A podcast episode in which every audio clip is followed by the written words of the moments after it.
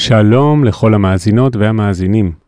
הפרק שלפניכם הוקלט לפני כמה שבועות, הרבה לפני המלחמה הנוכחית, עם האורחת טלי רוט.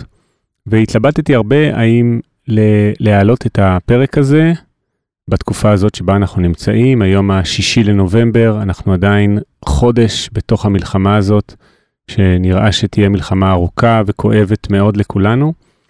וחשבתי וחשבתי והחלטתי שלבסוף אה, כן להעלות את הפרק, כרגיל, כפי שהוקלט, ממש את הרעיון במלואו.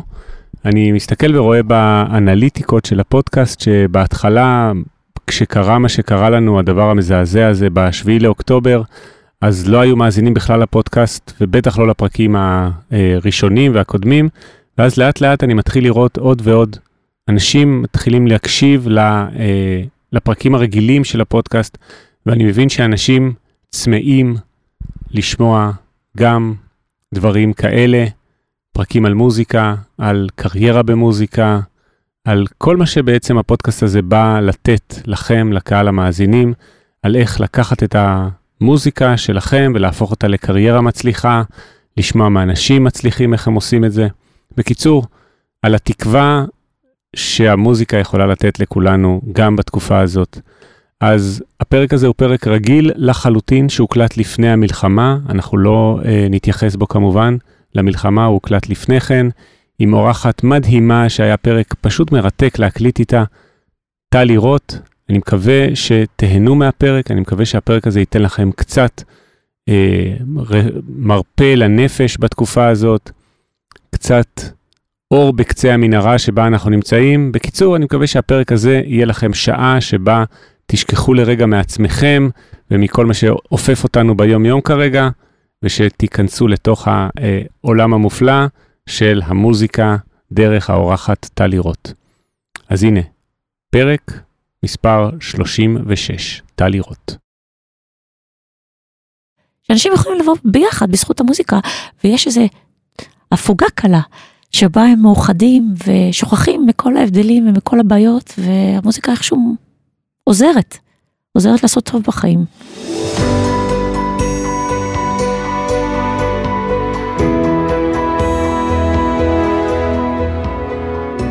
להצליח במוזיקה, פודקאסט אופטימי על קריירה במוזיקה, על שיווק למוזיקאים ועל איך לקחת את החלומות שלכם ולהפוך אותם ליום-יום שלכם. עמית ויינר מארח אורחים מוזיקאים, יוצרים ואומנים שמספרים על החיים והבחירות שלהם בקריירה.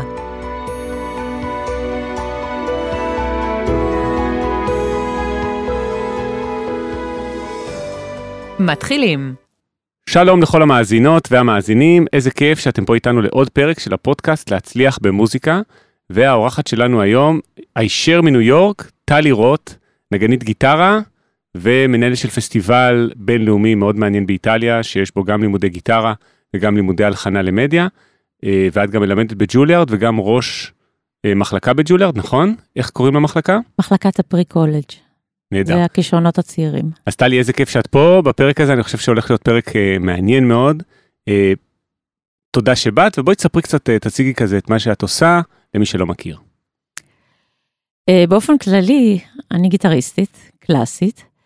התחלתי את רומן המוזיקה שלי מגיל שמונה עם פסנתר, חצי שנה, ואז קיבלתי, ממש סיפור קלישה, קיבלתי תקליט של גיטריסט אגדי שנפטר לא מזמן, זיכרונו לברכה, ג'וליאן ברים, אה, והתאהבתי בגיטרה, אז עברתי לגיטרה קלאסית.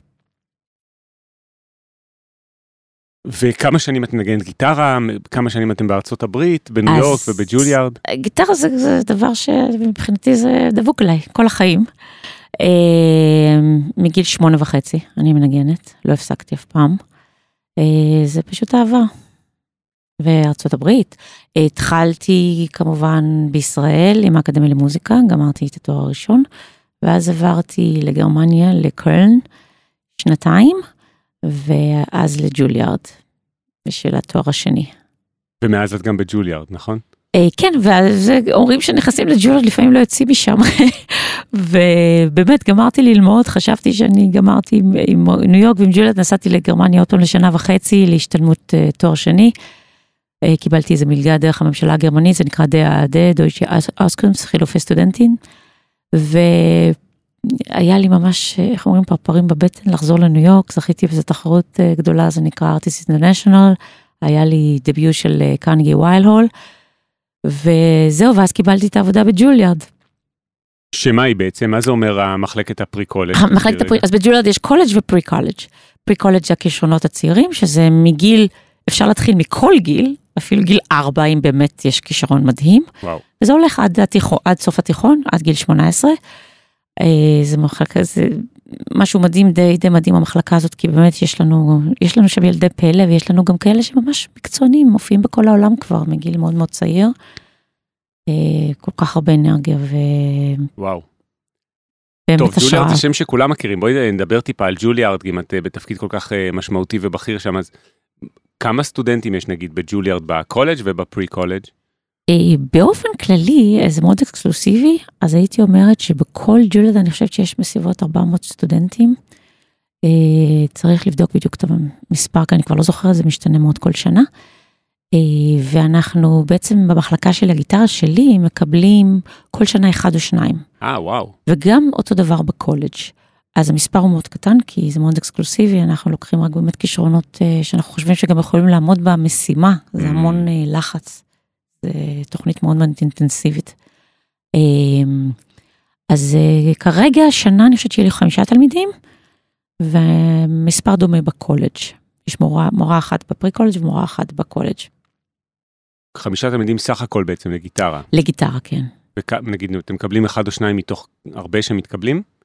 כן, ויש? הרבה גם שמפחדים להגיש בקשה, כי הבחינות Mm. כניסה הם ברמה מאוד גבוהה, הרפרטואר שמבקשים הוא ברמה מאוד גבוהה, אז הם יודעים שזה לא כל כך מתאים.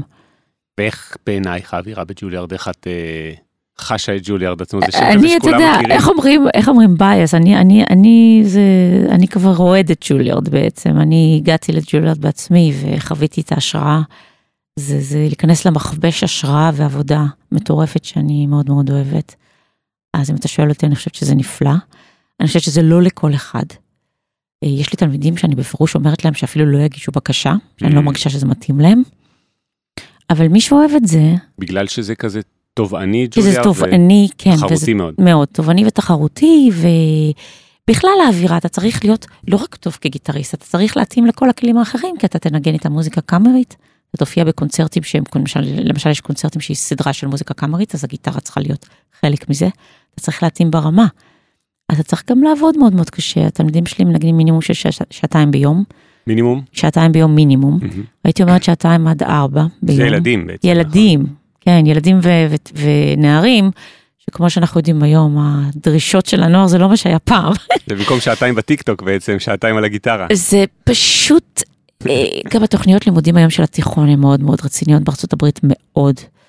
אה, הם חוזרים הביתה מאוחר, יש להם המון שיעורים, הם צריכים בנוסף לזה לנגן בין שעתיים לארבע, זה, זה, זה מאוד רציני. עם בחינות, עם רסיטלים, עם הכל.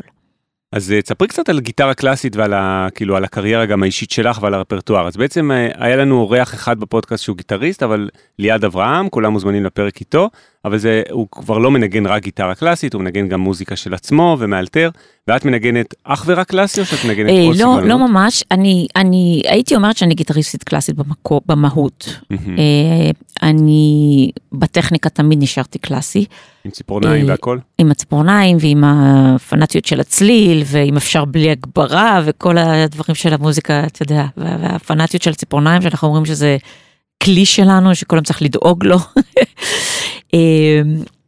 וזה משהו שאני כמובן מאוד אהבתי, היו לי שנים שאני התמחיתי רק בבאך למשל, אה, אבל מתוך זה לכ- נדדתי לכיוונים אחרים, למשל הטנגו, שזו אהבה גדולה שלי, אסטור פיאסולה, זו התמחות רצינית שלי, אז הקלטתי דיסק שלו, היו לי הרבה קבוצות, יש לי קבוצה שטיילה בעולם, ו Glamour Tango, ו Tango Nuevo טרי- טריו שלי, אה, והיה לי איזה שבע שמונה שנים הפסקה אחרי, דווקא אחרי ג'וליארד, שעשיתי רק אסטור פיאסולה. וואו. שעות של רפרטואר, של פנאטיות פתאום בתוך עולם הטנגו ועולם הטנגו נואבו, והעיבודים שעשינו ביחד והקלטות. וגם אז היה לי תקופה שרציתי להכניס רקדנים, אני מאוד אוהבת רקדנים, יש לי הערצה גדולה מאוד לריקוד. אז עשיתי מופעים גם בישראל עם רקדני טנגו ופלמנקו וגם ביפן. אז מתוך זה גם למדתי קצת פלמנקו והכנסתי את זה למופעים. אבל במהות הייתי אומרת שאני גיטריסטית קלאסית פלוס, פלוס, פלוס. מעניין. רגע בואי נרחיב על זה עוד מעט נספר גם על הפסטיבל ותספרי על הפסטיבל הבינלאומי הזה שאת אה, מארגנת כבר שנה שנייה אבל אני חושב שזה יעניין אנשים אז בעצם אה, גיטרה קלאסית אז מה הרפרטואר שיש לגיטרה קלאסית הרי לא הרבה מלחינים כתבו אה, מוזיקה במיוחד לגיטרה נכון זה בדרך כלל מלחינים שהם גיטריסטים. כן, ואתה יודע, עמית, זה מצחיק שאנחנו אומרים לא הרבה מלחינים, כי זה הכל יחסי. לא הרבה מלחינים אולי לעומת מוזיקה לפסנתר, mm. אבל לעומת זה, גיטרה זה כלי שהוא, אני אומרת, הוא יחסית תינוקי, תינוק, it's a baby instrument. כי בסך הכל האהבה הכי גדולה לגיטרה קלאסית התחילה בחמישים שנה האחרונות. אז יש התעוררות מדהימה בכל העולם להלחנה לגיטרה. אז יש מאות מאות יצירות שנכתבו, הייתי אומרת, במלחנים נפלאים, רק ב-20 שנה האחרונות למשל. וואו. אז כשאנחנו אומרים שאין הרבה מלחינים, אני לא הייתי מגדירה את זה שאין הרבה מלחינים, הייתי אומרת שאין הרבה מלחינים קלאסיים שכתבו לגיטרה, אולי. למה באמת? למה נגיד בתקופת באך הייתה גיטרה קלאסית, נכון? הייתה, אבל לא הייתה את הגיטרה של היום, שהיא הרבה, יש לה הרבה יותר פרויקציה, היא הרבה יותר חזקה. Mm. היא יכולה לנגן באולמות יותר גדולים, יש לה ווליום הרבה יותר חזק. היא בזמנו הייתה גיטרה, שהיום אומרים, גיטרה זה כלי שהוא יותר לעצמך, אתה לא יכול לנגן באולמות קונצרטים גדולים. ואז בא הגיטריסט האגדתי, אמ, אה, אנדרס סגוביה, וניגן בקרניגי הול, והראה שגיטרה יכולה לנגן בקרניגי הול. ומאז, שזה לפני 50-70 שנה הייתי אומרת, התחילו ממש להבין שגיטרה זה כלי סולני. אז זה כלי יחסית שהוא חדש בעולם המוזיקה הקלאסית מעניין. ככלי סולני. והוא זה שהביא את זה בעצם לקדמת הבמה ככה. הוא, ה, הוא ה, האבא הייתי אומרת, אבל יש גיטריסטים נוספים למשל, שעשו את זה במקומות אחרים, למשל אה, המלחין והאגדתי אגוסטין בריוס, שאני פנאטית שלו, שאני בכיתי על הקבר שלו באל סלבדור וניגנתי במוזיאון שלו וכמה פעמים התזמורת שם. הוא קידם את זה בכל ארצות אה, אמריקה הלטינית ואורוגוואי, אמריקה הדרומית, דרום אמריקה. אה, מאות מאות יצירות לגיטרה קלאסית שהן יפהפיות. אז אז בעצם כשאת נגנת היום בגיטרה קלאסית זה כלי מודרני שהוא כן, אה, כלי כן. יותר עם יותר סאונד כמו הפסנתר כן. בעצם שהפסנתר שלנו זה לא הפסנתר שהיה נכון. לבטהובן ולבאך אז הכלי שאתם מנגנים גיטריסטים קלאסיים היום, מנגנים על כלים שהם יותר מודרניים. הרבה יותר, ויש המון דברים אה, טכניים שפיתחו בשנים האחרונות, שלמשל אה, יש עץ כפול, double back או double top, שיש את המקדימה כפול או מאחור הכפול של הגיטרה, ואז זה נותן פעמיים את, ה, את הווליום, ממש. וואלה. אה, שזה מדהים, שזה מדהים, ואז אפשר לנגן, אני ניגנתי באולמות של 1200 איש, ואמרו לי שחשבו שאני מוגברת. בלי הגברה בכלל. בלי הגברה, אם יש אקוסטיקה טובה בעולם, mm. אין שום בעיה, וזה דרך אגב האהבה הכי גדולה בחיים שלי, אם אני יכולה לנגן בלי הגברה באולם גדול. זה בעצם הסיבה שמלחינים כמו בטהובן, נכון. באך, מוצרט לא כתבו לגיטרה, כי זה בדיוק. בעצם היה כלי אינטימי כזה לנגן לעצמו, אז הוא לא היה כלי קונצרטי בעצם. בדיוק, mm. זה היה כלי כזה של הטרובדורים, שעושים מוזיקה, ל... מעניין. אתה יודע, ש... שמנגנים ברקע, אה, והם לא חשבו באמת, כתבו קצת, כתבו קצת. כן? דברים קטנטנים. Mm. וכשאת מנגנת באך את מנגנת בעצם עיבוד נגיד למה לפסנתר מושווה אה, ליצירות לפסנתר. לאוטה, לוטה, לאוט. אה, אוקיי. לאוטה? כן, לאוטה בעצם. לאוטה, יש ללאוטה ויש לכינור שזה יושב נפלא על גיטרה, שאני מנגנת את השקון של באך, שהקלטתי אותו. אמ, ודרך אגב, אני שכחתי להביא לך דיסק, ואני כבר אומרת שאני אשלח לך את הדיסק, כי אין לי אותו בארץ, שכחתי בכלל להביא דיסקים. מעולה. הסנדלר הולך יחף, ואם המאזינים רוצים לחפש, מאזינות, מאזינים, איפה מוצאים אותה? אז באתר שלי, tallyrof.com זה הכי טוב, כי שם הם ייתנו לך את כל ה... אני אשים את זה גם בתיאור של הפרק. כן. שם יש הקלטות בעצם, גם כן, יש הקלטות, ואיפה להשיג את הדיסקים והכל. נהדר. כן. אז מה הרפרטואר המרכזי שאת uh, מנגנת? אז כרגע אני עכשיו עושה את הכל ביחד. שזה זה, זה באמת, בשבילי זה הדבר הכי כיף בעולם. אז אני עושה גם עיבודים של אסטור פיאסולה שלי ושל עוד uh, קולגות נפלאות שלי שעזרו לי. אני עכשיו עשיתי למשל מחזור שירים ברזילאי של uh, קולגה שלי נהדרת מניו יורק שעשתה את זה בשבילי, ג'ון גייסט. אז זה מוזיקת בוסנובה, ודרך אגב, אני התחלתי בעצם גיטרה, לא עם גיטרה קלאסית, mm. גיל שמונה וחצי, עם מלחין ברזילאי, אולי הוא שומע, שמעון קנול. התחלתי בגיל שמונה וחצי, אה, גיטרה שהיא גיטרת בוסנובה, גיטרה ברזילאית, mm. עם בדן פאול, ז'ובים, בומפה. ושמעון קלול בעצם אחראי על זה שאני פניתי לגיטרה קלאסית אחר כך, כי הוא בא להורים שלי אחרי חצי שנה ואמר שהוא חוזר בתשובה. הוא לא יכול ללמד אותי, אה, ואז פניתי למלחין רוסי נהדר שקוראים לו ישראל רשקובסקי, שהיה המורה הראשון שלי לגיטרה קלאסית, והתחלתי עם כל הרפורטר הקלאסי הסטנדרטי. סור, וקראו לי, וזה מה שהביא אותי לגיטרה קלאסית בהתחלה. מעניין. והמשכתי עם אה, יוסי ירושלמי בישראל, באקדמיה בעצם בירושלים. לפני האקדמיה, אמ, בגיל העשרה, ואז באקדמיה למוזיקה. זה היו המורים שלי בישראל העיקריים. אז טלי, בואי נדבר קצת על בחירות בקריירה. את יודעת, הפודקאסט נקרא להצליח במוזיקה, פודקאסט אופטימי על קריירה במוזיקה, ואני מאוד אוהב את המילה אופטימי, וגם האמת שהרבה אנשים כותבים לי כזה על ה... גם על הפודקאסט שהם אה, מאוד נהנים, וגם על ה... אפילו ממש על, ה... על המילה אופטימי ועל האופטימיות ששזורה אה, לאורך הפודקאסט. אז כמה דברים מעניינים אני חושב שמעניין לשאול אותך. קודם כל, אז לפני שנתיים החלטת להקים פסטיבל באיטליה. כן. מאיפה פתאום אה, החלטת שאת רוצה להיכנס לכזה דבר ולכזה כאב ראש, או למה עשית את זה, ותספרי גם על הפסטיבל עצמו. לפני שש שנים, קודם כל הרומן שלי עם איטליה התחיל דרך אימא שעיצבה מטבחים והיה לה עסק אה, יבוא של מטבחים שהתאהבתי באיטליה דרך אה, נסיעות עבודה שלה והאיטלקים והיופי והאהבה והנתינה. זה התחיל מגיל מאוד צעיר עם איטליה ואז התאהבתי באיטליה בזכות האופרה, שדרך אגב אני פנאטית לאופרה למרות שאני גיטריסטית. אה, מגיל העשרה כבר הייתי פנאטית לאופרה ונסעתי לשמוע אופרות הרבה. ואז התחלתי עם פסטיבלים לגיטרה, שאני הייתי תלמידה בהם. Uh, במהלך הלימודים שלי באקדמיה למוזיקה, בקיץ הייתי נוסעת לאקדמיה קיג'אנה בסיינה באיטליה, עם ללמוד עם אוסקר גיליה, הגיטריסט אגד- אגדתי שהיה תלמיד של אנדרס גובה שהזכרתי.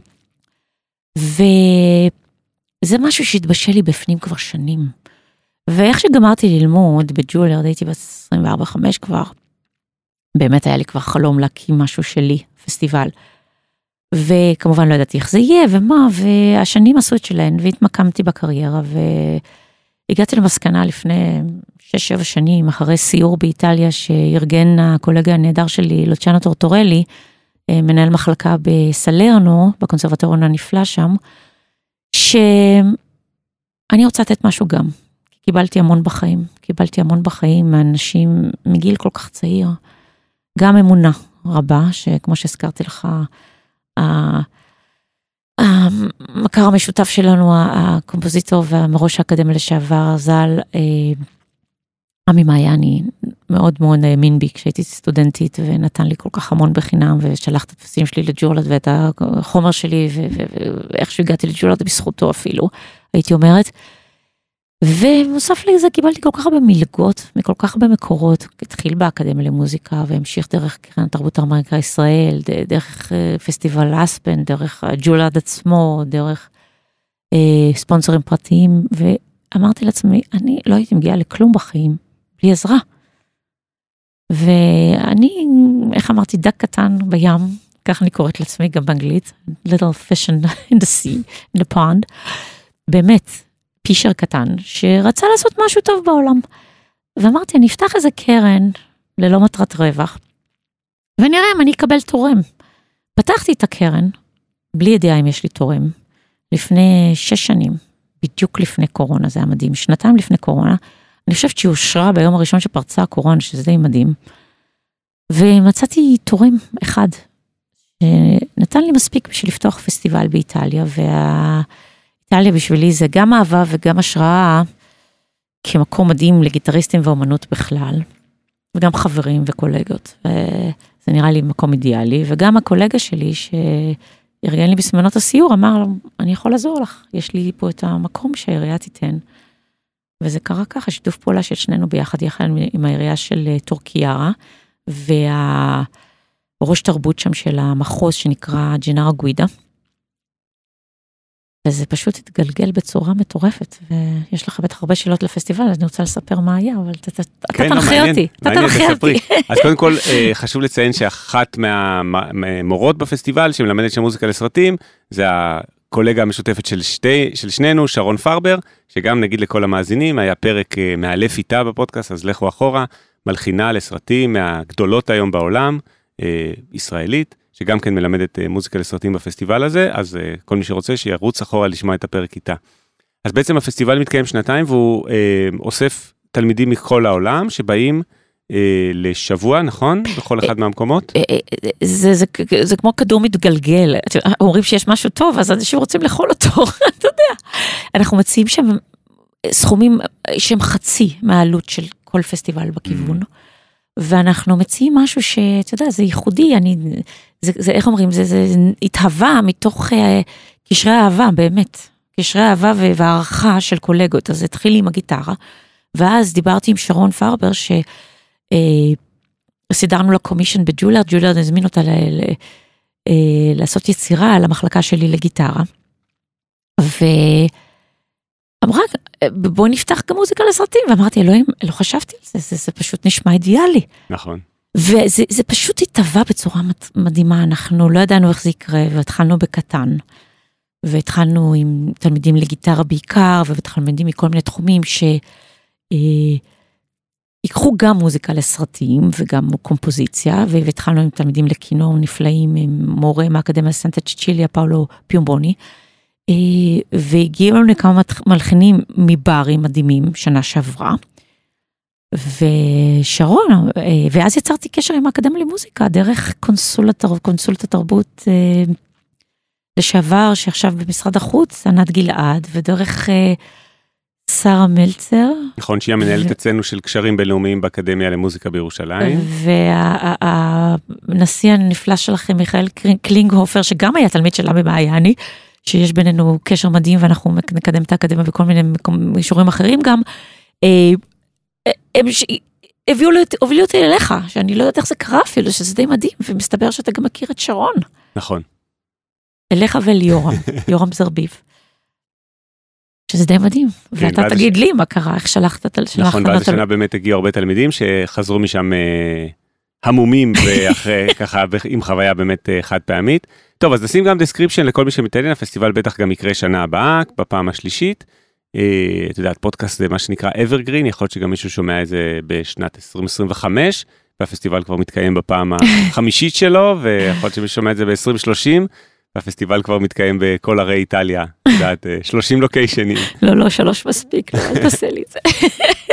אבל בעצם את מנהלת את כל הרבדים של הפסטיבל הזה, נכון? כן, עם הרבה עזרה כמובן, עם השותף שלי באיטליה, לוצ'אנו טוטואלי, ועם כל ה... הייתי אומרת הקולגת, כולם עוזרים, כולם שולחים תלמידים. אה, אז מעניין אותי לשאול אותך, גם הייתה אה, באחת הפרקים מיכל טל, שהיא פסנתרנית כזה, אה, אגד... כן. אגדית ממש, וסיפרה על פסטיבל שהיא גם כן הקימה לפסנתר, אז מאיפה מגיע פתאום ה... היזמות הזאת שיש לך, לקחת את כל הדבר הזה שנקרא להקים פסטיבל מאפס, על כל ההיבטים הבירוקרטיים, הטכניים, השיווקיים, אה, למצוא תלמידים. מאיפה הגיע לך פתאום הראש היזמי הזה? כמו שמגיע כל רעיון של תשוקה ואהבה בחיים האלה, זה פשוט מכה בך.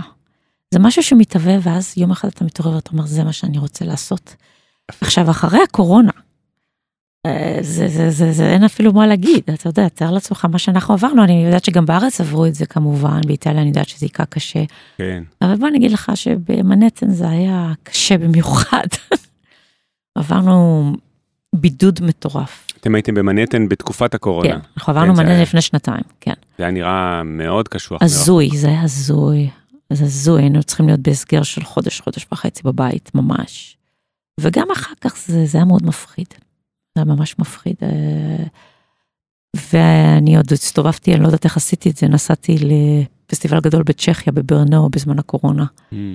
שארגנו לי אישור מיוחד, אני אפילו לא יודעת איך עשיתי את זה, אבל לא הצלחתי אפילו לנסוע מארצות הברית, הצלחתי לנסוע מישראל, וגם זה בקושי. וואו. עם אישור מיוחד משר החינוך שם. אבל אני אומרת, עוד, עוד אני נחשבת מאלה שעשו משהו, היו כאלה שלא עשו כלום במשך שלוש-ארבע שנים. בתחום המוזיקה את מתכוונת. בתחום המוזיקה, לזוז, כאילו עשו הכל באינטרנט כמובן. Mm. אה, ולימדו באינטרנט ועד היום יש לי ויש לי קולגות עד היום שלא מוכנים לארח אצלם בבית תלמידים זה מדהים. בגלל חשש מקוביד. עד היום אומרים שאתה יודע זה כזה להישאר בצד ה... אה, היותר בטוח. on the safe side. אני קצת לפעמים מתרגמת מאנגלית זה נשמע מצחיק בעברית אבל אני מצליחה להגיד את זה. למרות שאני מדברת עברית ובא לי ישראלי. אה, רגע אז אמרת שבאמת זה בא מתוך איזו תשוקה יזמית כזאת. כן, ממש תשוקה, תשוקה לעשות משהו טוב בעולם, שהי-. שהייתה גם קיימת לפני, אבל אחרי הקורונה זה פשוט היה בצורה שאי אפשר לעצור את זה. כוח אנרציה כזה, אתה יודע. מעניין. ומה הכי חזק בעינייך בפסטיבל מהפעמיים שהוא התקיים? מה הכי? חזק? כן. זה האהבה של כולם לזה, זה, זה, זה, זה הכוח הזה של... שכולם רוצים לעשות את זה ביחד, העירייה, אתה יודע, הקאנצלר הזה, אה, ג'נרה גוידה, מה? הקונסלר, קונסלר זה הקונסול קונסול, התרבות, אוקיי. קונסול התרבות בעצם הייתי אומרת שקוראים לזה המחוזי באיטליה, אין אין להם פשוט תואר כזה, יש להם תוארים אחרים, זה אותו דבר, קונסול המחוז. כן. אה, איזה איזה- איזה נתינה מדהימה. זה במקום שנקרא טורקיה, במקום השני הציעו לנו לפתוח את זה, זמרת שהיא גם שחקנית, וגם הייתה מיס איטליה בזמנו, והיא גם אייקון כזה, שיעוט ציבורי, קוראים לה ולריה אלטובלי. אמרה, אני אדבר עם, ה... אני אדבר עם ראש העירייה אצלנו, בוא נפתח גם אצלנו מקום חדש, מקום קסום מדהים שנקרא איזולה דל לירי, שעה מרומא. עיירה כזאת קטנה, קסומה, שהיא כמו מדרחוב עם מפלים שחולשים על בתוך, ה... בתוך העיר. אמרה, טוב, אני אדבר עם ראש העיר. תוך שבועיים, איך שנגמר הפסטיבל באיטליה, יצרנו כבר פגישה עם ראש העיר, הוא רצה לראות את הספונסר כמובן. אה, וישבנו ומיד הייתה התלהבות מדהימה שלהם.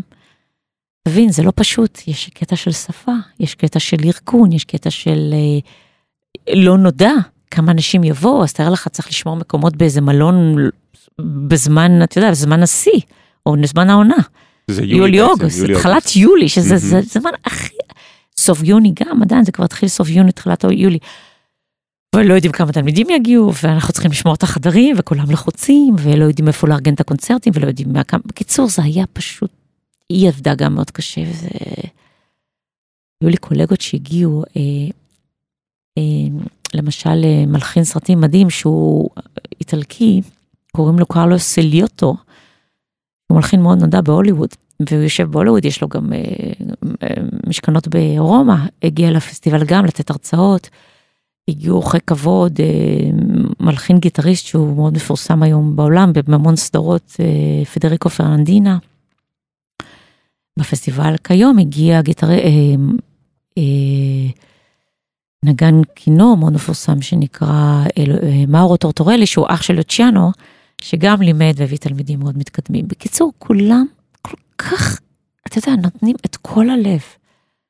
והמלחין שאמרתי לך מברי, שהביא תלמידים בזמנו, שנה שעברה, בא ללמד, אה, קרמינו מוסקרדיו. קרמינה, קרמינה מוסקרדיו, והיה עוד גיטריסט טוב אה, שנקרא רוברטו, אה, שבא לצאת גם. ועוד היו אנשים, למשל הוידאו, אנשים שעשו את הוידאו. אנשים שבאו, ועשינו איתם כל מיני עסקי חבילה. הם חלק מהפסטיבל, מקבלים כיתות אומן, אני משלמת להם הוצאות, כולם נותנים את זה מכל הלב, שצילמו את הכל, זה נקרא אה, חברה שקוראים לה Age of Audio, שאתה, יש לך את הכתבה שלהם. אה, שהם עשו תבדקו את וידאו, האתר, זה אתר מדהים, Age of Audio. שווה לבדוק את האתר. והם עשו וידאו של הם כל עשו ה... וידאו של כל הפסטיבל, Mm. ותלמידי האקדמיה דרך אגב מחכים גם לוידאוים, שאנחנו נשלח להם כמובן. הם אומרים שהמכונות באיטליה מאוד מאוד מתחממות בקיץ, הכל יותר לאט, וואי וואי, ואין מזגנים כמו פה, אז באמת הכל עובד יותר לאט, וואי וואי. מבחינת עריכה של וידאו.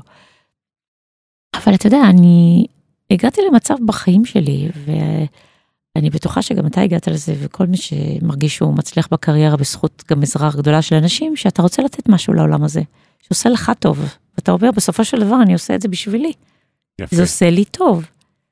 זה משפט טוב שנשים בתחילת הפרק כטיזר.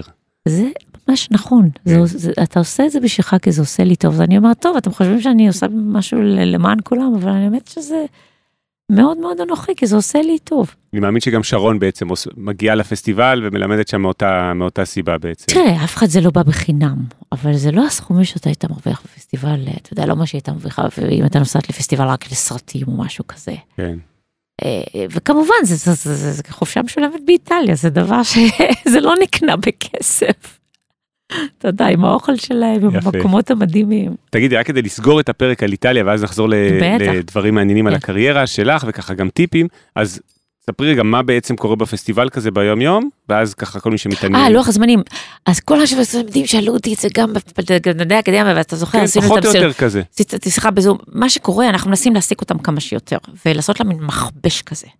הם באים לשבוע, מבחינת, אה, בוא נגיד, נתחיל עם הגיטריסטים, הגיטריסטים באים, מקבלים כיתות אומן, הם צריכים להיות מוכנים לשיתוף פעולה של מוזיקה קאמרית, והם צריכים לנגן יצירה שהם קיבלו בתחילת הפסטיבל, יש להם ארבעה ימים בדיוק לעבוד עליה, מהמם. הם צריכים לנגן אותה בסוף הפסטיבל, מוזיקה קאמרית, עם אה, שיתוף פעולה עם כלים אחרים. הם מקבלים גם ארבע כיתות אומן של שיעורים פרטיים, אז יש להם בסוף שול- קונצרט מיוחד רק לרסיטל סיום. אז הם מקבלים גם קונצרט של מוזיקה קאמרית וגם רסיטל סיום. עכשיו, בנוסף לזה, יש לנו את תלמידי הקומפוזיציה שבאו מהאקדמיה ובאו גם מאיטליה, מברי,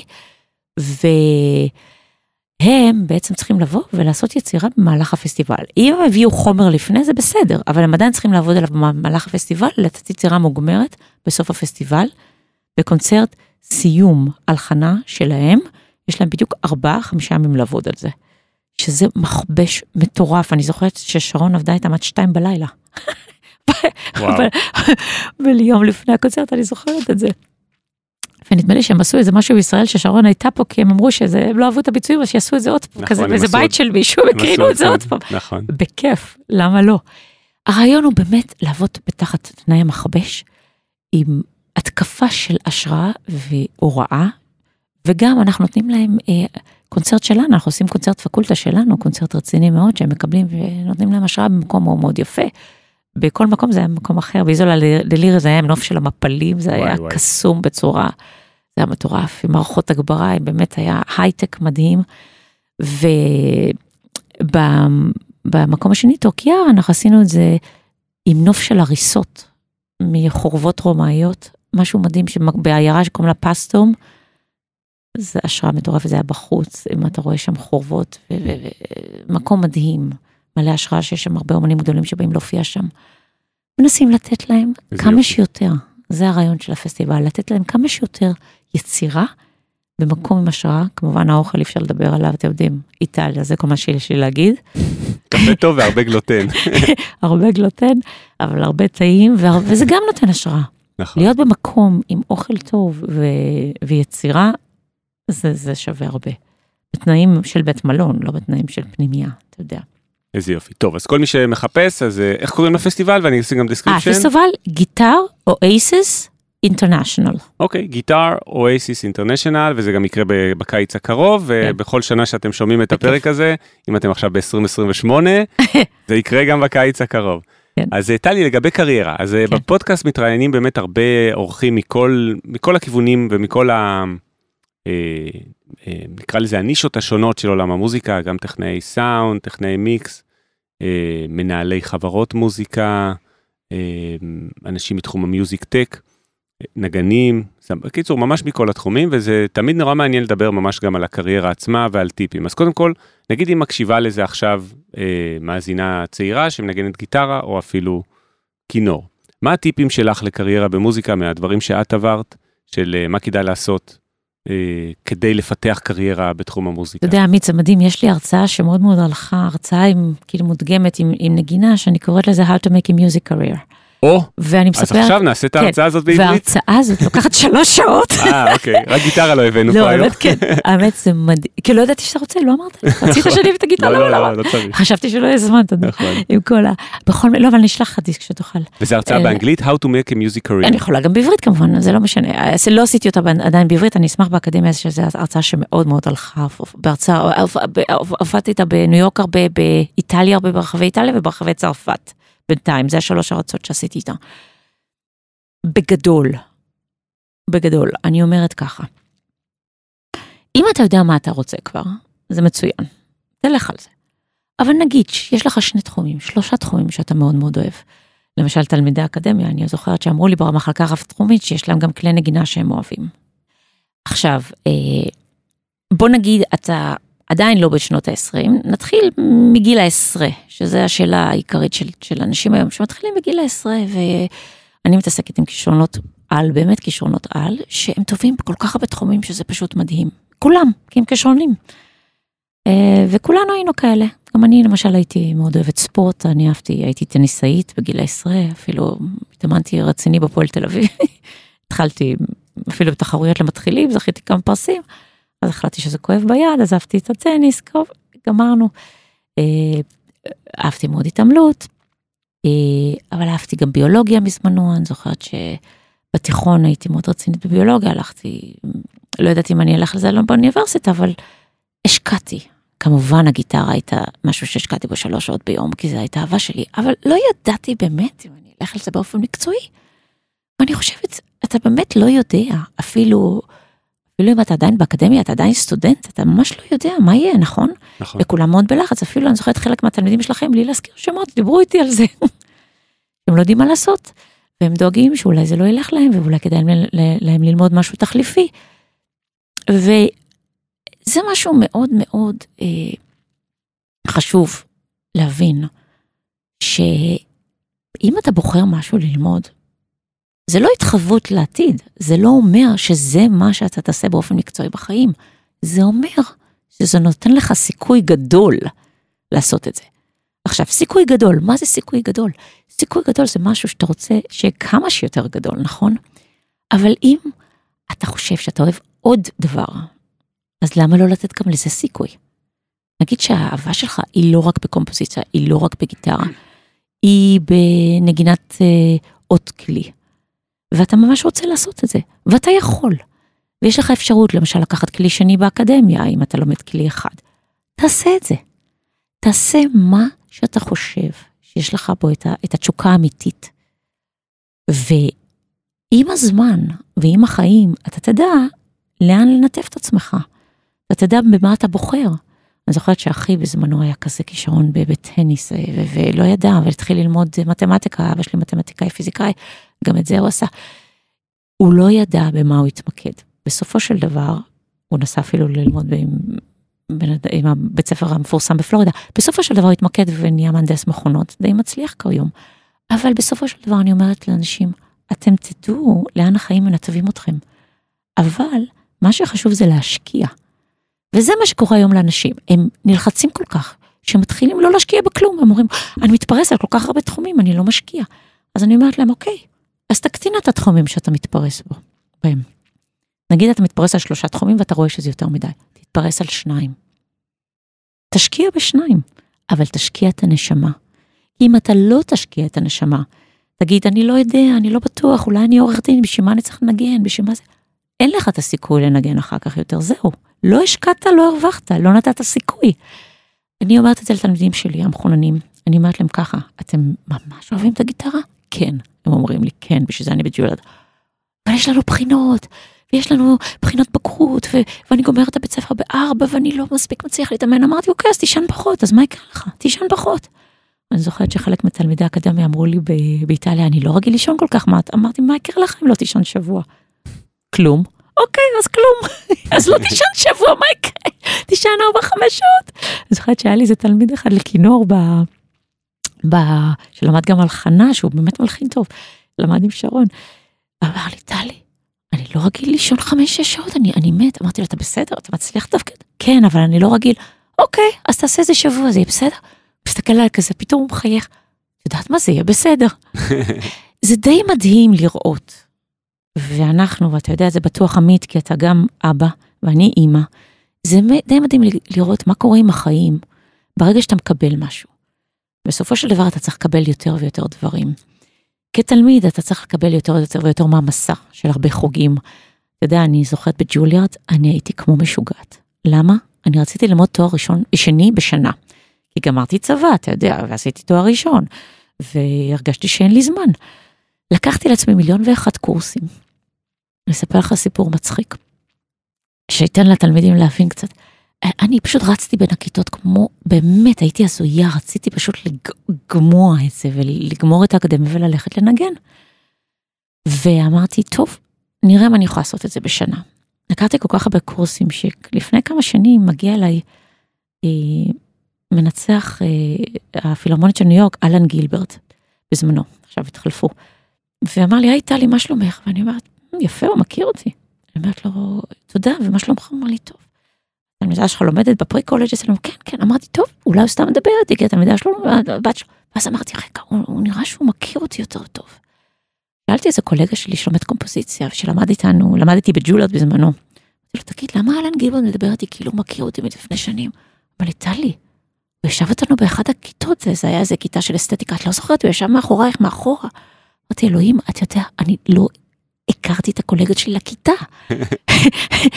אני הייתי כל כך עסוקה בלנסות לגמור את האקדמיה כל כך הרבה, לא דיברתי ולא ראיתי אותו, היה מאחורה, וישב כזה מופנם, ביישן, אתה יודע, לא דיברנו.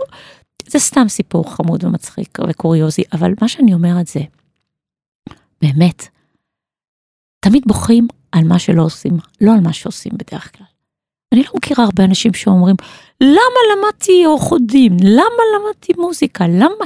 באמת, כמה אתה שומע את זה? נכון. כמה אתה שומע את זה? למה הייתי רציני בנגינה?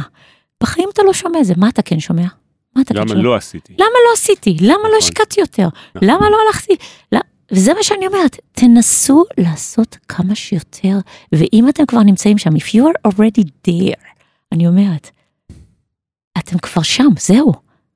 אל תחשבו מה קדימה, תחשבו מה עכשיו.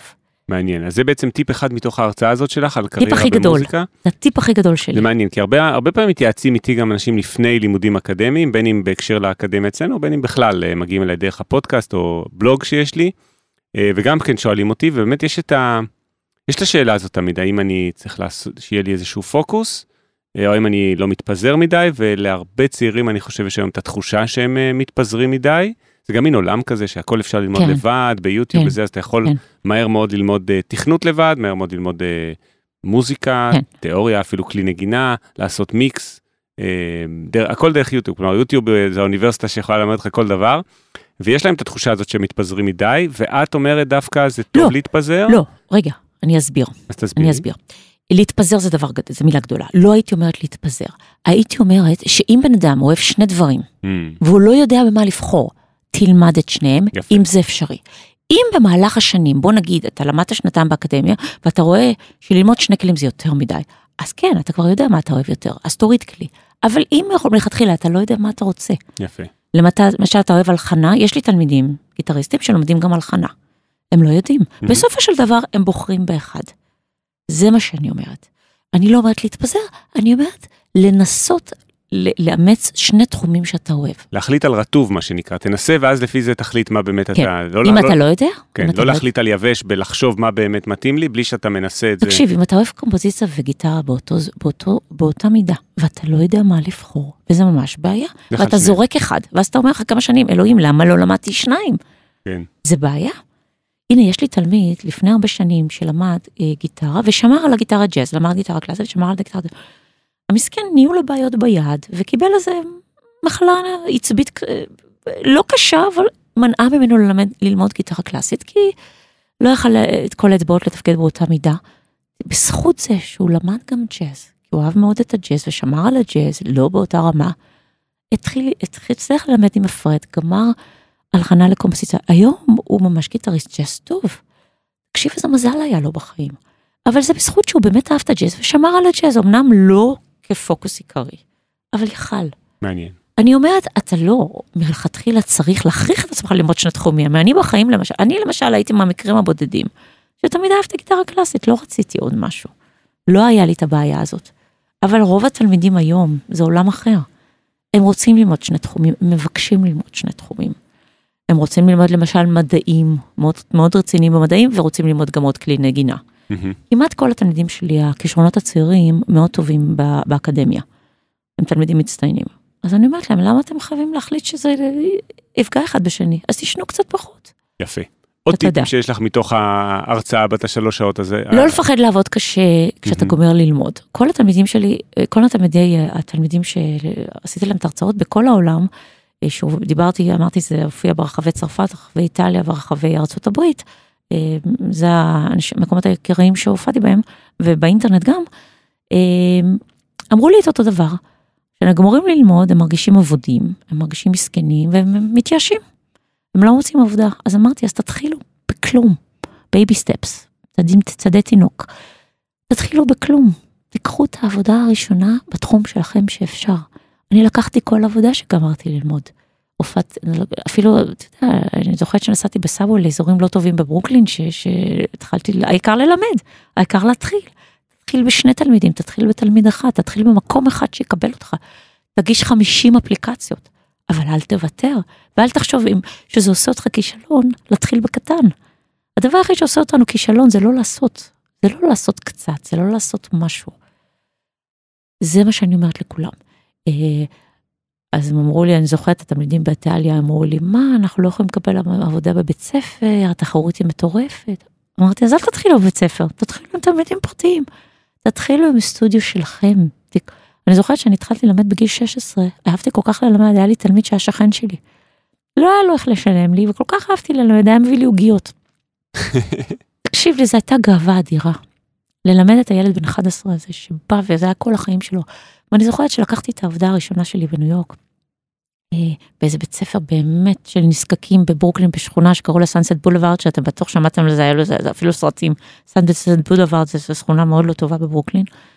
הייתי, לא זוכרת, נוסעת ב subway, רצה לבית ספר וחוזרת מהבית ספר, רצה ל subway, מפחדת אפילו לשהות שם ברחוב. זה בדרום ברוקלין כנראה. Sunset Boulevard, זה היה לזה אפילו סדרה, okay. אוקיי. סדרה גדולה. בכל מקרה, אה, אני זוכרת את הגאווה שהייתה לי. היו שם תלמידים שמעריכים וכישרונות, ותקשיב לי, זה, זה ייתן לכם עולם ומלואו. וג'וליארד לא הגיע מזה שישבתי בבית ובכיתי שאני לא, שאין לי עבודה במקום רציני. ג'וליארד הגיע מזה שלקחתי כל עבודה, כל עבודה בתחום, וצברתי מוניטין כמורה. ו...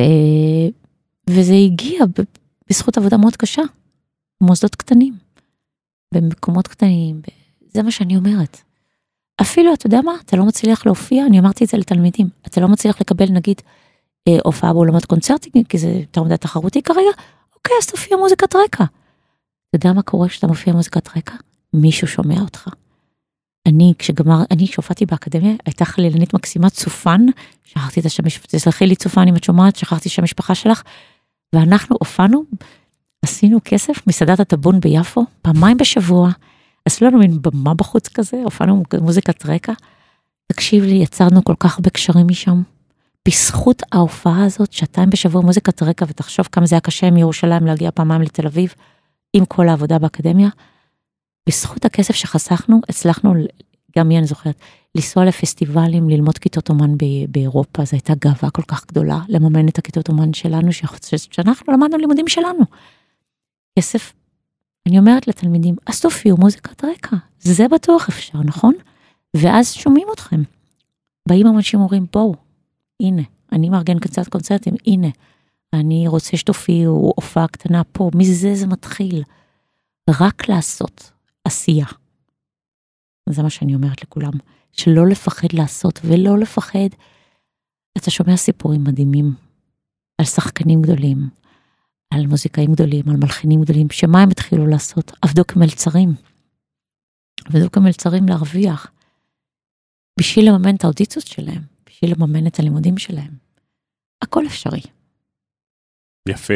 טוב, היו פה טיפים ממש אה, מהממים, אני חושב, שמאוד uh, נותנים השראה גם. Uh, גם הטיפ הזה על לעשות מוזיקת רקע ולהתחיל במשהו, אני חושב שכולנו עברנו את זה, גם אני עברתי את זה באופן אישי, אתה מתחיל במשהו, אתה לא יודע לאן זה יוביל אותך, אתה יכול שבאותה מסעדה ביפו אה, יפגוש אותך איזה מישהו שמנהל אה, פסטיבל, או איזשהו במאי שרוצה אחרי זה מוזיקה, זה יכול לקרות אה, אה, כל הזמן.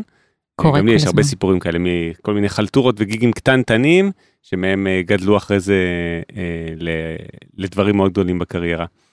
אז אה, עוד טיפים שיש לך טלי? כי אני חושב שאנחנו עוד מעט נסיים ויש לי ככה עוד איזה שתי שאלות מעניינות לסיכום, אבל אם יש לך עוד טיפים. הטיפים היא, הטיפ הכי גדול שאני יכולה להגיד מבחינה של ההשראה ליצור. אני תמיד, תמיד שואלים אותי את הדבר הזה, אומרים לי, תגיד לי, מה קורה כשאני גמור בפנים? אין לי את היצירה בפנים. Hmm. זה מלחינים מדברים על זה, מוזיקאים מדברים על זה, זמרים מדברים על זה. יש את החנוק, שאין לך בפנים מה, מה להוציא. burned out מה שנקרא כן, באנגלית. כן, אתה עייף, אתה לומד, אתה עובד, אתה, יש לך משפחה, אתה לא ישן בלילה, יש תינוקות, יש ילדים שיש להם סיוטים, כל מיני דברים. מה קורה כשאתה קם בבוקר, ואתה לא מצליח, לא הולך לך. וזה משהו שאנחנו כולם מתמודדים איתו בכל שלב, גם, גם, גם תלמידים וגם מקצוענים. ואני אומרת, זה דבר שמתמודדים איתו בכל שלב. אני זוכרת שאני שמעתי רעיון של בילי ג'ול, אחד הדברים הגדולים בחיים שאני שמעתי, מה קורה, איך אתה יוצר את השירים שלך, ואני זוכרת את זה, כל כך חשוב זה היה. הוא אמר, מה אתם חושבים? שהשירים הגדולים שלי, הלעיתים הגדולים שלי באו לי באמצע הלילה, ככה בום, בזק, הגיע לי להיט? לא. אני קם בבוקר ואני עובד. ואם אני לא מצליח לעבוד, אני לוקח קפה. ואני אומר לעצמי, עד שאני לא מוציא פה איזה שתי שורות של איזה משהו שהוא יכול להישמע נורמלי, אני לא זז מהפסנתר. אני מכריח את עצמי כל יום, שעתיים שלוש, לשבת כדי שיצא משהו. וזה מה שאני אומרת. אני זוכרת שהוא אמר את זה, ואני, אתה יודע, אתה שומע את בילי ג'ון מדבר ככה, מכריח את עצמו שתבוא לו היצירה. ואני אומרת ככה, כן, לפעמים זה נהדר, היצירה יוצאת, נפלא, אנחנו בהשראה, אתה יודע, אתה באיטליה, אתה בכיף, לפעמים זה לא יוצא. אבל מה, כמו כל דבר בחיים, אתה צריך לחשוב, זה העבודה שלי. אני אומרת אפילו לתלמידים שלי, בני 14-15, אתה אומר להם, אני אומרת להם, אתם פרופשיונלס. You're training professionals, אתם פרופשיונלס, you're, אתה יודע, אתם אקטיביים כפרופשיונלס, אה, אה, מקצוענים אקטיביים או אתם מקצוענים תלמידים, אתם עדיין מקצוענים. המקצוענות היא לעשות את זה בצורה מקצועית, זאת אומרת, הלימודים צריכים להיות מקצועיים. זאת אומרת, תשבו ותכריחו את עצמכם ליצור, תשבו ותכריחו את עצמכם להתאמן כמו שצריך, ולהתאמן כמו שצריך זה לא רק לשבת לנגן את היצירה מתחילה עד הסוף בכיף. זה לעשות את זה כמו שאתם יודעים שאתם צריכים לעשות, עם הכלים שאתם צריכים לעשות, עם הטכניקה, עם, ה, עם הסבלנות, עם הדקדקנות לפרטים, זה המקצוענות, ומקצוענות זה משהו שאנחנו בונים כבר כתלמידים. אז זה מה שאני רוצה להגיד לכולם, אנחנו אותו דבר בדיוק, אנחנו רק בשלבים אחרים בחיים. המקצוענים הם מקצוענים כמבצעים, הם מקצוענים כמורים, אבל הם מקצוענים גם כתלמידים.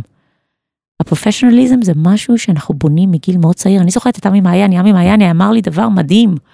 עמי מעייני תמיד היה, היה אומר לי עם רוחת חוכמה, ואני זוכרת מה הוא אמר לי.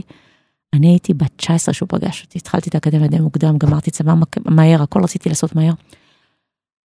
הוא אמר לי, טלי, מה שאת לא תבני היום ברפטואר שלך, את לא תבני כבר אחר כך. אמרתי לו, עמי, זה שעות על גבי שעות. הוא אמר לי, טלי, אם את לא תשבי עכשיו ותנגני שמונה שעות ביום ותבני את הרפטואר שלך, לא יהיה לך כוח אחר כך. יהיה לך עבודה, יהיה לך, אה, את תתחתני, את תביאי ילדים לעולם, את תצטרכי להופיע המון. עכשיו תבני את הרפטואר שלך, תשבי ותבני את הרפטואר שלך שעות, ובלי תירוצים. כל הזמן היה אומר לי, בלי תירוצים, בלי תירוצים. זה המילה שאני אומרת לתלמידים שלי תמיד, בלי תירוצים. תקשיבי איזה יופי, קודם כל אני נורא נורא מסכים עם העניין הזה של אה, לשבת ולעבוד ופשוט אה, ללכת ולהדור את הפרדס. וזה הזכיר לי גם שני אורחים אה, שאמרו בדיוק אותו דבר וגם אה, קטע מספר שאני רוצה רגע תכף להקריא שאני קורא עכשיו. אז קודם כל יש בפרק עם אורי וינוקור, אני מזמין את כולם לחזור ולהקשיב, הוא אומר בדיוק את אותו דבר על העבודה עם אה, אסף אבידן שהוא היה המפיק שלו, אה, שאסף אבידן היה קם כל בוקר ונכנס לסטודיו ועובד בלהיות אסף אבידן, כמו, אה, קם, כמו חקלאי שהולך לעבוד את הפרדס, בדיוק כמו שאמרת קודם. אה, ואת אותו דבר גם אמר ינון צור, מלחין למשחקי מחשב.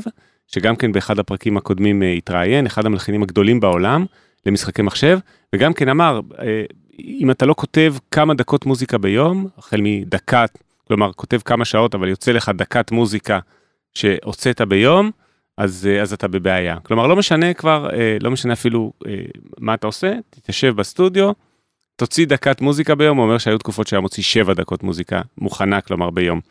ומתוך ספר, בדיוק חיפשתי בזמן שדיברת, אה, אני קורא עכשיו ספר מאוד מעניין שנקרא קסם גדול של אה, אליזבת, אליזבת גילברט, כן, קסם גדול, ספר מאוד מאוד מומלץ על השראה ועל יצירתיות וזה, ויש לה מלא ציטוטים אה, נורא יפים גם על השראה, כלומר היא מדברת על איך היא כותבת ספרים וכל זה, אז מצאתי אבל ככה בזמן שדיברת ציטוט נורא יפה על תסכול. אז היא אומרת שם שהתמודדות עם תסכול, כלומר נגיד כמו שאמרת, לא יוצא לי, אני קם בבוקר, ניסיתי לשבת, לא יצא לי היום להלחין, כל זה. אז היא כותבת, אה, שתסכול הוא חלק מהותי ביצירה, אולי החלק המהותי ביותר בה, ואז משפט נורא יפה שאפילו הדגשתי לי פה בספר, תסכול הוא לא הפרעה לתהליך, תסכול הוא התהליך עצמו. מדהים. שזה מאוד מעניין, מדהים. כלומר, אה, תסכול הכוונה, בדיוק מה שתיארת קודם, תסכול שמשהו לא יוצא לי וכל הדברים האלה, הוא התהליך עצמו, ועוד, אחרי זה אני אחפש את הציטוט, אולי אני אשים אותו ב description, היא אומרת דברים גם על השראה, ש... השראה זה מין דבר כזה שאם יושבים ומחכים לה, היא לא מוכנה לבוא. אם ככה אומרים, טוב, אני אשב במרפסת, אני לא אשב ויעבוד. אה, אני אשב ויחכה לה, היא לא תבוא. השראה זה בא, היא מוכנה לבוא, רק שמישהו עובד קשה בשבילה. כלומר, אז היא אומרת, הוא השקיע מספיק, נראה שהוא מוכן שאני אגיע אליו. אז זה גם משפט שאני אוהב. נפלא.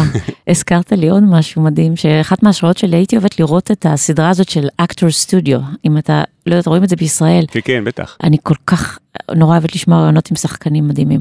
ואני זוכרת שהיה איזה רעיון, אה, בזמנו עם שחקנית שקוראים לה סלי פילד, משהו נפלא, והיא אמרה שהתפקידים הכי מדהימים בחיים שלה והיצירה הכי מדהימה בחיים שלה הייתה כשהייתה מתוסכלת, mm. והיא קראה לזה אפילו anger, כאילו כל כך frustrated, כל כך מתוסכלת, שאז יצאה היצירה האמיתית, הכל יוצא מבפנים. ואתה יודע, יש את, ה, יש את הקלישה של האומן הסובל וכל זה, זה לא חייב להיות סובל, לא חייבים לקרוא לזה סבל. הייתי אומרת שזה פשוט טבע, זה הטבע שלנו, זה היצירה. חבלי הלידה האלה. יפה, אהבתי. כן? יפה מאוד. טלי, שתי שאלות אחרונות. אחד, זה איפה את רואה את עצמך ומה החזון שלך לעצמך לעוד חמש שנים. אה, האמת שאני אה, מרגישה מאוד אה, ממוצע עם החיים שלי, הופעתי המון, אז אני מרגישה שכרגע הכיף הגדול שלי זה הקלטות, אני רוצה לו, את כל העיבודים שלי וההקלטות להוציא לאור, והקונצרטים שאני רוצה לעשות הם רק גדולים, רק במקומות גדולים. זאת אומרת לא לעשות קונצרטים קטנים. אז אני רואה את עצמי אה, מוציאה כמה דיסקים רציניים, מוציאה כמה הוצאות לאור, למשל את המוזיקה שאני עשיתי לסרט של וודי אלן, שאני עומדת לפרסם, You'll meet it all dark stranger שאני עשיתי, אה, אחד מהעיבודים של השקון, עיבודים של אסטר פיאצולה, אני רוצה להוציא כמה הופעות, הוצאות לאור, זה לוקח המון המון זמן. ואני רוצה להקליט כמה דיסקים רציניים כמו יצירות של המלחין אגוסטין בריוס מנגורה, זה האהבה שלי, אה, דיסק חדש של יון סבסטיאן באך.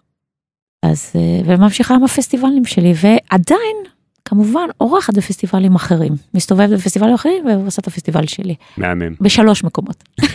לא עשר, שלוש. מהמם. ושאלה אחרונה, מה את הכי אוהבת בלהיות מוזיקאית? מה זה הדבר שהכי עושה לך את זה בלהיות מוזיקאית? הרגעים האלה שאת אומרת לעצמך, בשביל זה זה היה שווה לי להיות מוזיקאית. אה, האור בעיניים של אנשים, לפעמים שהם באים ומתרגשים ואומרים שזה עזר להם בחיים ועשה להם טוב. והביא אותם למקום טוב. לעשות לאנשים טוב עם המוזיקה, הרי כל החיים שלי גדלנו בישראל עם המלחמות והטרור. כל החיים שלי רציתי להשתמש במוזיקה, לגשר על פערים. הופעתי בכל השגרירויות, שיתפנו פעולה עם נוער ערבי, נוער ישראלי, אה, הופעתי בשגרירות גרמניה, ניסיתי לסדר את שגרירות גרמניה וישראל שם. להשתמש במוזיקה, לעשות משהו טוב בעולם שמאחד אנשים, הופענו, ב, הופעתי ב-United Nation, הופעתי באומות, רב האומות, איך קוראים לזה? איחוד האומות. איחוד אה, האומות. לא, האו"ם. כאילו. האו"ם, האו"ם, הופעתי לאו"ם, אז היה, אהוד ברק היה ראש ממשלה ושר החוץ זמני, והיה שם קולין פאול, והיו הרבה שגרירים מכל ארצות ערב. שאנשים יכולים לבוא ביחד בזכות המוזיקה, ויש איזה הפוגה קלה, שבה הם מאוחדים ושוכחים מכל ההבדלים ומכל הבעיות, והמוזיקה איכשהו עוזרת, עוזרת לעשות טוב בחיים. מהמם, אולי את זה אני אגזור כטיזר לפרק עצמו. טלי, עוד משהו שאת רוצה, שאת מרגישה שעוד לא אמרנו?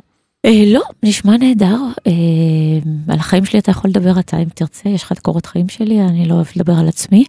אה, רק אה, מאוד נעים לפגוש אותך ואני בכלל השיתוף בונה פעולה בינינו והקשר לאקדמיה והקשר איתך זה, זה ממש מעגל נסגר אין, אין פה מה להגיד ואני בטוחה שיהיה עוד הרבה.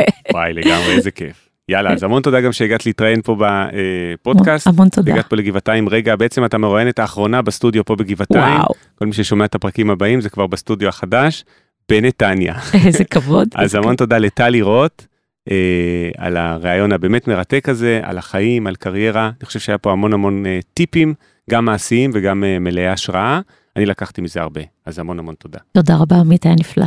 אני אגיד גם המון תודה לכל המאזינות והמאזינים על ההקשבה. אתם כבר יודעים שאתם מוזמנים למצוא עוד מידע אה, וגם מאמרים שלי בבלוג שלי, תחפשו בגוגל להצליח במוזיקה, הבלוג של עמית ויינר. אה, ואתם יכולים לפנות אליי בכל שאלה שיש לכם, האמת שהרבה פונים אליי וזה באמת נורא נורא כיף. אה, בלינקדין, פייסבוק, אינסטגרם או באימייל שלי. אה, בין אם אתם רוצים להגיד שנהנתם, או בין אם יש לכם הצעה לאורח או אורחת מעניינים שאתם חושבים שיהיה מעניין אה, לדבר איתם בפרק, בפודקאסט. ואל תשכחו, הכי הכי חשוב, לדרג את הפודקאסט ולעשות לו follow בספוטיפיי ובאפל פודקאסט, זה עוזר לו להגיע לעוד אנשים. ואם הפרק הזה לדעתכם חשוב למישהו או למישהי לשמוע, מישהי שזה יכול לעשות לה אה, אה, סדר במחשבות, אל תשכחו לשלוח את זה לבן אדם אחד שלדעתכם ייהנה מהפרק הזה. יאללה, נתראה בפרק הבא, יאללה ביי. להצליח במוזיקה, פודקאסט אופטימי על קריירה במוזיקה, על שיווק למוזיקאים ועל איך לקחת את החלומות שלכם ולהפוך אותם ליום-יום שלכם. עמית ויינר מארח אורחים מוזיקאים, יוצרים ואומנים שמספרים על החיים והבחירות שלהם בקריירה.